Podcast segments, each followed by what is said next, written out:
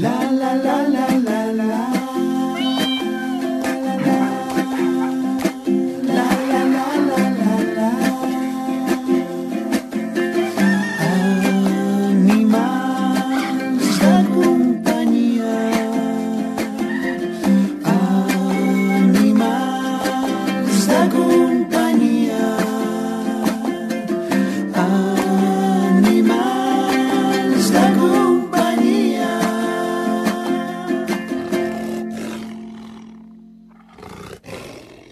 Sabies que les orques viatgen en grans grups familiars, cuiden els seus nets i fins i tot imiten la parla humana? Biòlegs marins han descobert que les orques poden tenir entre elles més de 800 tipus diferents de contacte físic. Abraçades espontànies, fregaments d'esquena amb esquena o nas amb nas en són alguns exemples. Les orques, a més, formen llaços d'amistat ràpids amb la qual cosa estan a l'altura dels ximpanzés, macacos i persones quan es tracta de contacte social. Les més joves inicien la majoria de les interaccions socials, mentre que les femelles més grans, i en especial els mascles més vells, se situen més a la perifèria. Aquestes són les principals conclusions d'un estudi impulsat per un grup d'investigadors després d'observar més de 10 hores de vídeo fetes amb drons. Els aparells van seguir una manada de 22 orques per la costa americana durant 10 dies. Amb aquesta notícia indispensable pels que us agraden els animals, comencem el podcast d'avui dedicats a la innovació alimentària. RAC més i Gosby us ofereixen Animals de companyia amb Bàrbara Julve, un podcast per una relació saludable amb els vostres animals. Què li donem de menjar al nostre gat i al nostre gos? La dieta és un dels aspectes que més preocupa els qui tenim animals de companyia. La prioritat és, sens dubte, proporcionar-los aliments de qualitat i d'acord amb les seves necessitats nutricionals de cada etapa. Avui en parlem al podcast amb Xavier Miranda, director tècnic de Gosby. Xavier, hola, com estàs? Hola, Bàrbara, estic molt bé, gràcies. Escolta'm, comencem parlant per la importància de la innovació en l'alimentació. Em semblaria que els aliments no sempre són els mateixos, però en canvi la innovació és un tret diferencial, és una part important no, en l'alimentació. Per què és tan important? Sí, és molt important. Principalment és molt important perquè cada cop coneixem millor les necessitats dels gossos i els gats. Com que, cada, com, com que cada vegada les coneixem millor, hem de fer que els aliments que desenvolupem responguin millor a aquestes necessitats que anem descobrint. Sempre han sigut saludables, però per sort els gossos i gats cada dia viuen més. Doncs pel fet de que viuen cada cop més, potser hem de tenir aliments que s'adecuïn a aquestes necessitats de quan ja són vells. És un bon exemple de que cada dia anem descobrint que les necessitats són més específiques i la innovació ha de seguir aquesta, aquests coneixements que, que, que es van descobrint. Un altre tema que és molt important en la innovació és la sostenibilitat.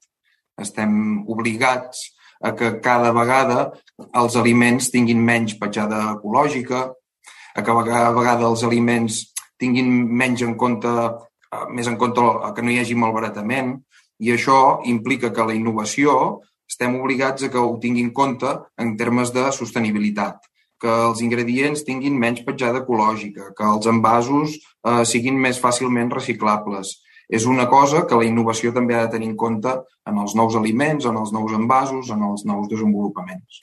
I això Gosby hi posa el focus, és un del, del, dels puntals de, de Gosby. Sí, eh, els, eh, els ingredients que triem els triem amb criteris de sostenibilitat. A més a més de criteris nutricionals, també els triem en criteris de sostenibilitat.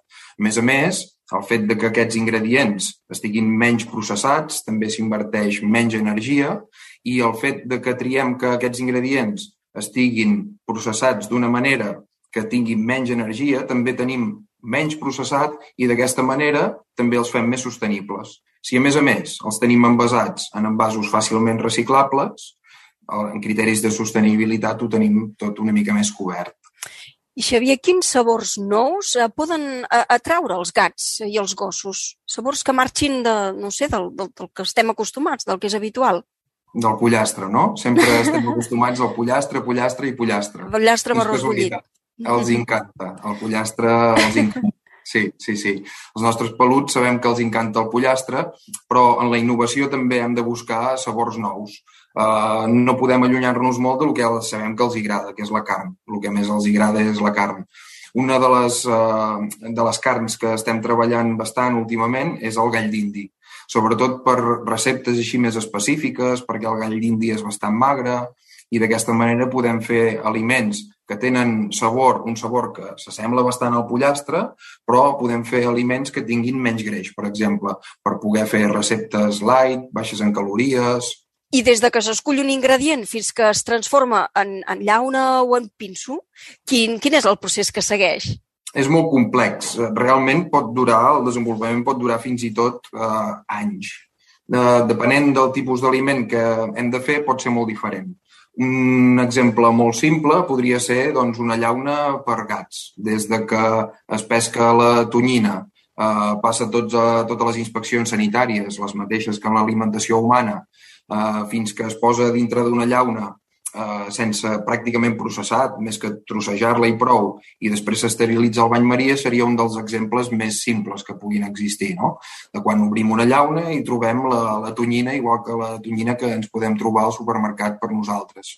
Un exemple en l'altre extrem podria ser, per exemple, una carn que es deshidrata i es desgreixa, no? que podem tenir aquesta carn deshidratada i desgreixada, que es barreja amb altres ingredients, que tots junts es couen al vapor i si li donem forma de croqueta, doncs tenim un aliment eh, típic, el pinso sec, que, que, que típicament estem acostumats que està dintre de, del sac. I un dubte que segurament té molta gent. Es conserven les propietats dels aliments en tot aquest procés? Sí. Nosaltres el que fem és analitzar, fer moltes proves, molts testos, eh, moltes anàlisis de laboratori per garantir que els nutrients es mantenen podem triar els millors ingredients, però no té cap sentit si després el procés implica que es perden aquests nutrients. Per això el que fem és triar les temperatures el més baixes possibles, per exemple, en el cas de uh, quan fem, quan elaborem uh, l'aliment sec, doncs intentem que la temperatura sigui el més baix possible, però per garantir que es cou. Realment hem de coure aquests ingredients. Doncs mirem que les propietats nutritives que esperàvem que estiguessin en els ingredients que hem analitzat i hem vist que estan en els ingredients, doncs tornem a analitzar l'aliment un cop eh, està elaborat i garantim que les propietats nutricionals s'han mantingut durant el procés d'elaboració. Hi ha gossos, de fet, amb necessitats especials, amb intoleràncies, eh, per crear productes que són específics per a aquests eh, animals, eh, amb aquestes especificitats. Eh, al darrere m'imagino que hi ha d'haver tot un equip no? d'investigadors per intentar eh, elaborar no? l'aliment més, més ideal per a ells. Sí, sí, tant. Tenim, tenim un equip molt ben preparat que aconsegueixen definir molt bé quins són els millors ingredients per cobrir aquestes necessitats concretes. És molt important eh, definir quines necessitats a l'hora de desenvolupar un aliment concret. No? Per exemple, eh, per intoleràncies, podem pensar que és simplement treure ingredients, però a vegades eh, alguns d'aquests ingredients que ens agradaria treure ens ajuden a tenir la textura que, que, que, que volíem esperar en aquell, en aquell aliment. Per això a vegades algo tan simple que podria ser com treure un ingredient no, no, no ho és tan de simple. En altres casos, eh, quan hi ha necessitats especials, el més important és que estigui ben controlat. Per exemple, si hem de desenvolupar un aliment que estigui eh, reduït en calories, doncs hem de controlar molt bé quina quantitat de greix porten els ingredients i que aquesta recepta eh, tingui la quantitat de greix esperada. Per això és necessari controlar-ho molt bé, perquè si les calories venen més del greix, doncs d'aquesta manera eh, garantim que si un gos o un gat per exemple, un gat esterilitzat que sabem que tenen tendència al sobrepès, menja aquell aliment, doncs estarem prevenint que s'engreixi.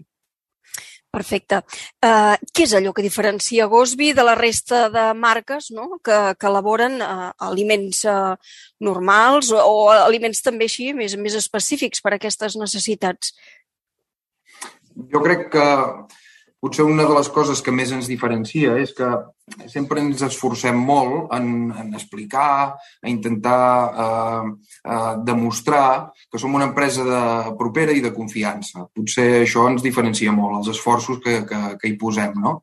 Perquè sempre volem explicar moltes coses dels nostres aliments, de què estan fets, quins ingredients, com estan elaborats, I segurament els, els recomanadors, al final els que, els que confien en nosaltres, els veterinaris, els propietaris de, de botigues especialitzades, doncs segurament això ho perceben i també ho transmeten als propietaris de, dels gossos i, i dels gats. I al final els nostres clients, que són els que es mengen els nostres productes, això, això ho, ho noten també, perquè no només s'ha explicat, sinó que s'ha explicat eh, que el producte té una qualitat i això ho noten, és saludable per ells a llarg termini. Una bona manera, no, Xavier, eh, per anar acabant ja, és eh, comprovar que, una bona manera de comprovar que estem fent les coses bé és veure com, com els animals eh, eh es troben bé, no? eh, estan de, de salut equilibrats, eh, també tenen un, un comportament eh, bo, no? Eh, sí. Això és una garantia, no?, de que el que els estem donant funciona. I tant, i tant, i tant. I tot passa pel, pel plaer d'alimentar, no? Perquè moltes vegades és un moment en què interactuem amb els nostres gossos i amb els nostres gats i, i volem que això també formi part d'aquest ritual, no? D'alimentar cada dia. Eh, hi, ha, hi ha maneres eh, mig llarg termini de, de, de veure que quan canviem una alimentació que creiem que és més saludable, doncs que els hi brilla més el pèl. Això significa que hi ha nutrients que són essencials, que tenen en compte eh, els, els ingredients que aportem que són necessaris per al, per, al, per al creixement del pèl i això fa que els hi brilli més, que a l'hora de la muda en perdin menys. Això és un, un indicador de, de salut, per exemple. Però potser una mica més a, a curt termini és quan els alimentem i l'endemà eh, veiem el resultat, no? Sí, sí, sens dubte és una bona mostra de que les coses s'estan fent bé, els estan, els estan sentant bé. Creixen bé, sí. Molt bé, doncs nosaltres també hem paït i bé aquesta entrevista. Javier Miranda, director tècnic de Cosby, moltíssimes gràcies eh, per explicar-nos tan en detall la importància de la innovació, no? que és la clau per aconseguir aquests aliments de qualitat eh, d'acord amb les necessitats eh, nutricionals que necessita cada gos o, o gat, o bé també no? amb les necessitats especials que alguns tenen i les intoleràncies. I sens dubte Gosby aposta i molt eh, per això. Gràcies de nou, Xavier, i fins una altra. Moltes gràcies a vosaltres. Gràcies per donar-nos l'oportunitat d'explicar una mica més sobre els nostres aliments, com els fem i com els pensem. Fins una altra. Té en Blau i en Rem, dos gossos, un d'ells una terranova de 60 quilos. També corre per casa amb Bo i un gat que quan el van adoptar feia una mica de mala fila dos gossos i un gat. I això que havien dit que a casa mai serien més animals que persones, però trencar aquest tipus de pactes sempre és profitós, sobretot per allò de bo que els animals ens aporten. Avui tenim el plaer de tenir nosaltres el podcast Eloi Cordomí, meteoròleg. Eloi, hola, benvingut. Com estàs? Hola, Bàrbara. Com va tot? Molt bé, molt content de ser aquí una altra vegada amb vosaltres. Bé, eh, el pacte ara... Eh, la situació, diguéssim, que està equilibrada, perquè heu tingut un fill, no?, precisament. Sí, sí, sí. El que passa que a vegades els pactes estan per trencar-los i no sabem què passarà en un futur. Eh? Ara som 3 i 3, 3 animals i 3 persones a casa i jo crec, jo crec que això es mantindrà així durant molt temps, eh? però mai se sap.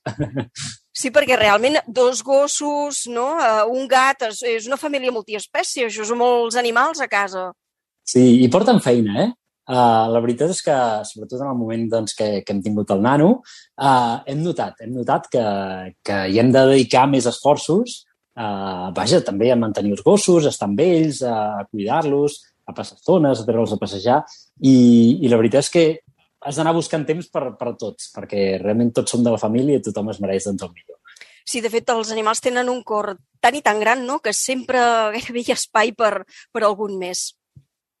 Sí, sí. Um, ja et dic, durant molt temps, uh, quan érem el Xavi i jo, vam decidir doncs, això, que fem la conya dient eh, intentarem que a casa no hi hagi més animals que persones. I això era quan teníem el boi i el rei, el gat i el, i el primer gos.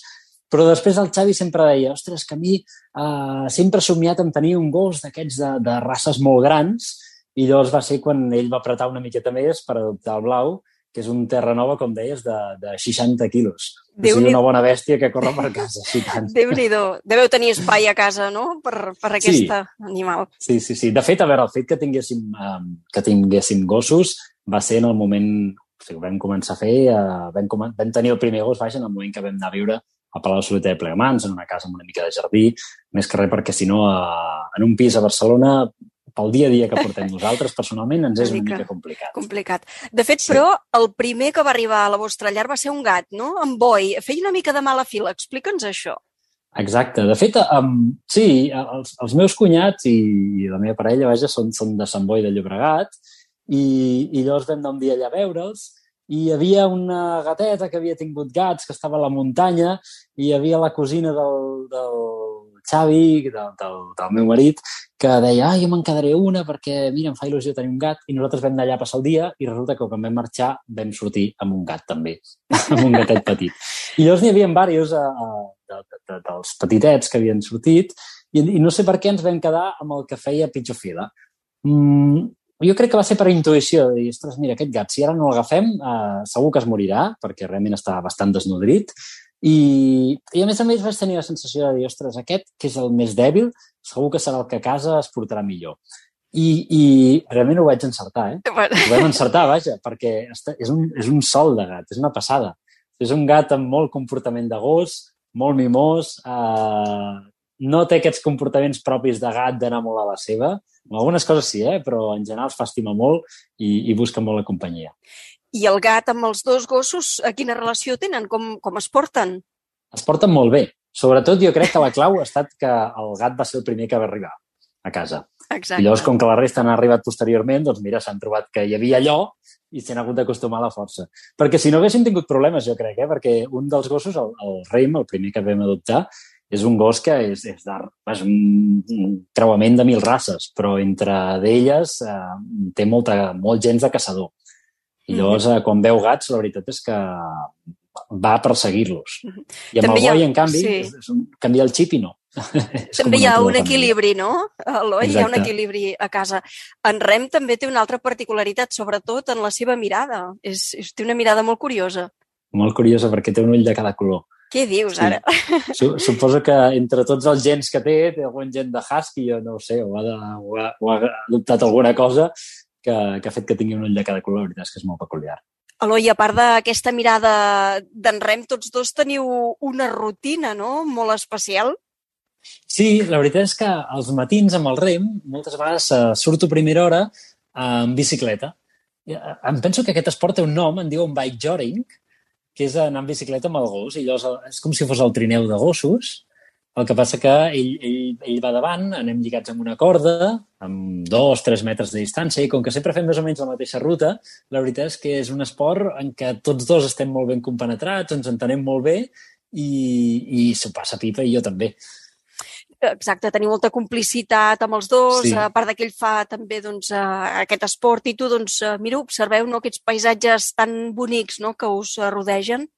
Sí, i a més ho fem a primera hora i llavors eh, coincideix, no sé, en el moment que hi ha boires, que hi ha la sortida de sol, i la veritat és que és un moment del dia molt especial en què tots dos ho gaudim moltíssim. I aquest nom, d'on li ve? No t'ho sé dir, ho vam, ho vam somiar. Ah, Vau somiar amb el nom? es, sí, vam somiar que es diria rem. Ens agrada el caiac també i pel rem del caiac, però després, vam, en veritat, el caiac no fa servir un rem, sinó que fa servir una pala. Per tant, estàvem equivocats. Per tant, no, l'explicació no, no és molt... No és molt racional, però en qualsevol cas, mira, del somni fet, fet una, una realitat. Sí, Tu, Eloi, sí, sí. ets d'aquells que, que de petita t'agradaven molt els animals, a casa feies pressió per tenir gossos... Com eres? Sí, sí, sí, sí. Sí, sí de fet, eh, jo sempre havia estiuejat aquí a Palafrugell de Plegamans, que vivia a Barcelona, però i havia estiuejat al lloc on visc ara. El que passa és que, clar, com que doncs, la major part de l'any doncs, el passaven a Barcelona, els meus pares no, no, no volien tenir un gos. Um, I em sembla una decisió encertada, eh? Sobretot per, per la nostra vida, perquè els caps de setmana doncs, solíem anar a la muntanya, solíem fer escapades i, i jo crec que amb el tarannà de la meva família, dels meus pares i un gos al damunt, hauria estat doncs, complicat. Però, en canvi, en el moment doncs, que vaig a viure pel meu compte i que ens vam ajuntar amb el Xavi, que també és molt, molt amant dels animals, doncs eh, el primer que vam fer en el moment que vam tenir espai a casa va ser tenir, tenir un gos. I com que primer vivíem al Poble Nou, en un pis de 30 metres quadrats, i no teníem espai, doncs vam apostar per un gat perquè s'adaptava molt millor a la nostra forma de fer.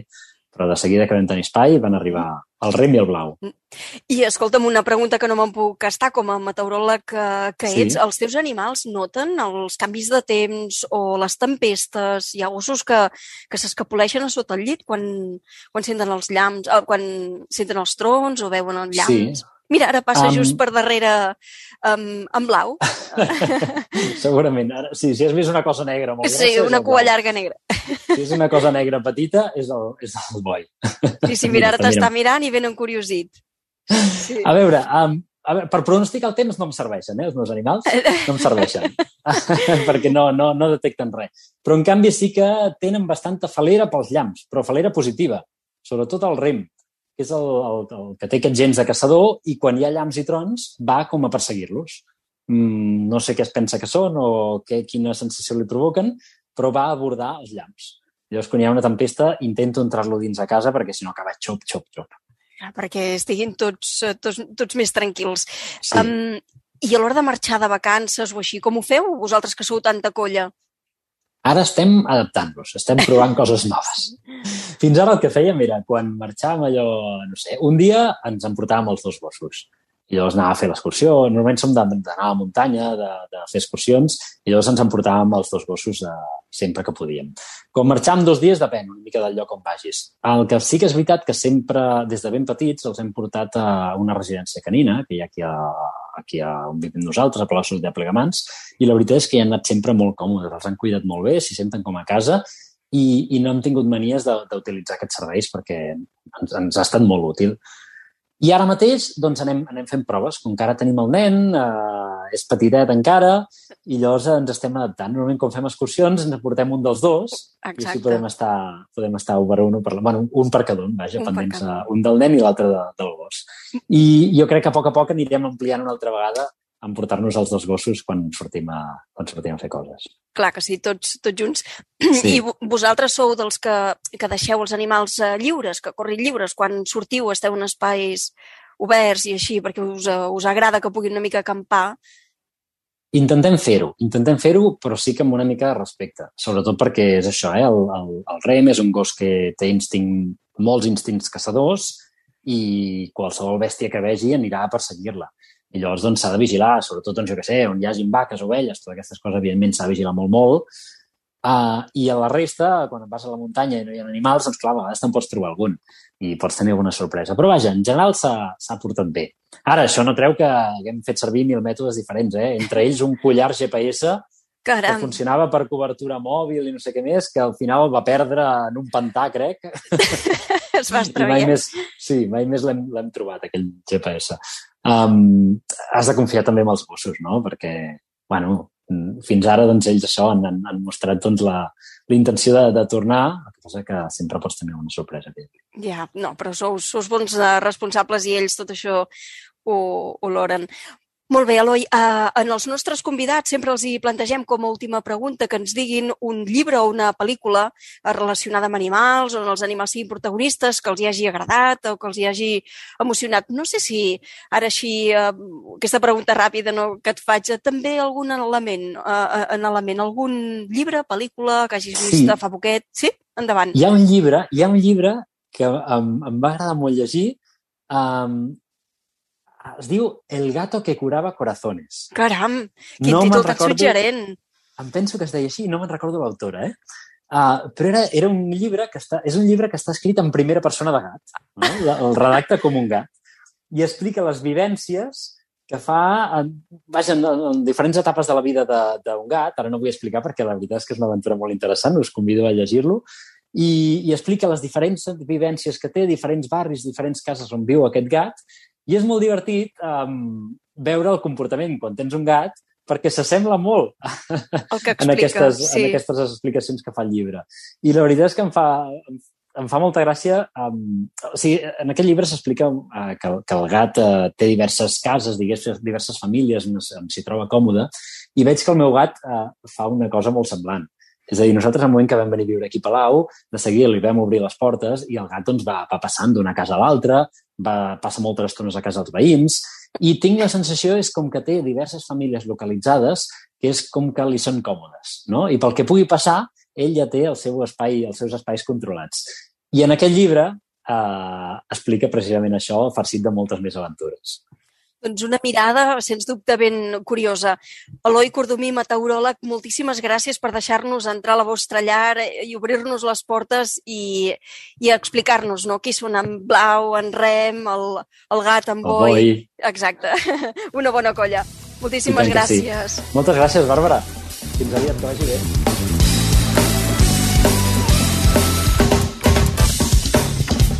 I quan arriba aquesta sintonia feta pel bateria del metal extrem Alfred Berenjenes, que ha arribat l'hora del concurs, eh, Jordi? Jordi Gamell. Hola a tots, com estem? Mira, doncs molt bé, perquè hem tornat a rebre eh, moltes fotos, eh? una quinzena una altra vegada, n'hi ha de molt xules. Quines són les tres que més eh, t'han agradat tu que hi entens? Bé, et puc comentar aquestes tres, però abans haig de fer un petit incís en el qual eh, ens ha agradat molt, ja ho has pogut veure, que ens han enviat la foto del Milú, el guanyador, el guanyador passat, i se'l veu molt, molt content i molt eixerit amb la foto i amb els seus productes que, que ja ha rebut. Eh? Sí, sí, I molt, dit molt divertit. Eh, sí, molt divertit, està molt eixerit allà, se va content.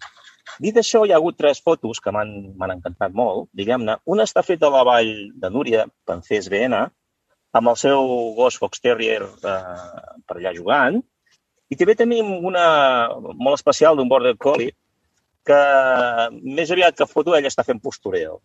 O sigui, que al Border Collie li havien dit anem a fer-te una foto i ell està allà en postureo amb un polissatge molt bonic d'aquí Catalunya. També tenim una altra foto, un gat que es diu Coco, de la Laura Buit Ramos, que és simètricament original, pel color i al mateix temps tota la, tota la composició també és, és molt maca i la mirada del Coco és, és molt especial. I d'aquestes tres... Eh, Quina, bueno, és, només, quina és la guanyadora, Jordi, d'aquestes tres? només pot quedar una i en aquest cas la, la mirada del Coco m'ha entendrit de dalt a baix i, i és aquesta mirada encisadora. T'ha seduït, eh? que la Laura m'ha seduït el, el Coco amb aquesta mirada i la Laura Buit Ramos jo crec que, que es mereix, es mereix aquest premi. Doncs vinga, per en Coco, aquest premi per la Laura, que rebrà a casa un fantàstic lot de productes Gosby. Pot escollir doncs, eh, per a gat o gos. Eh, Suposem que triarà per gat i si és en aquest cas, doncs, eh, és, està composat per Gosby Fresco Cat i Gosby original. Recordem que el concurs és possible gràcies a Gosby, una marca d'alimentació i cura d'animals de companyia que aposta decididament per la qualitat, la honestedat i el respecte pels animals. A més, els seus productes eh, només utilitzen matèries 100% naturals d'alta qualitat. Jordi, el concurs segueix, eh, recordem que és cada 15 dies, eh? Sí, és cada 15 dies i esperam les vostres fotos dels animals de companyia que teniu, que són molt maques i, i a veure quina, quina guanya d'aquí 15 dies. Sí, recordem que els requisits per participar-hi són molt fàcils. Només cal penjar la imatge de l'animal amb o sense tu, al teu perfil d'Instagram i etiquetar Gosby guió baix oficial amb dos Fs, Animal Respect guió baix on tour i també Animals de companyia RACO. I també és indispensable posar l'etiqueta hashtag concurs Gosby RAC1. Amb això ja queda tot dit, eh, Jordi, i t'emplacem d'aquí 15 dies perquè ens diguis quina és la millor fotografia que hem rebut durant aquelles dues setmanes. D'aquí 15 dies ens tornem, mirem els animals de companyia i en triem una. Doncs vinga, Jordi, punt i final al podcast d'avui. Com sempre, m'ajudes a acomiadar-lo? Doncs vinga, fins aquí tenim el podcast d'avui i avui ho, ho acomiadarem amb una mirada molt felina, la del Coco. RAC més i Gosby us han ofert Animals de companyia amb Bàrbara Julve, un podcast per una relació saludable amb els vostres animals. Sabies que Gosby és la marca catalana per excel·lència en la preparació d'aliments d'alta qualitat per als nostres gats i gossos? Perquè alimentar és una forma d'estimar, Gosby, l'alimentació conscient per als teus gats i gossos. Ens trobaràs en clíniques veterinàries i comerços especialitzats de proximitat. Consulta'ls a gosby.com.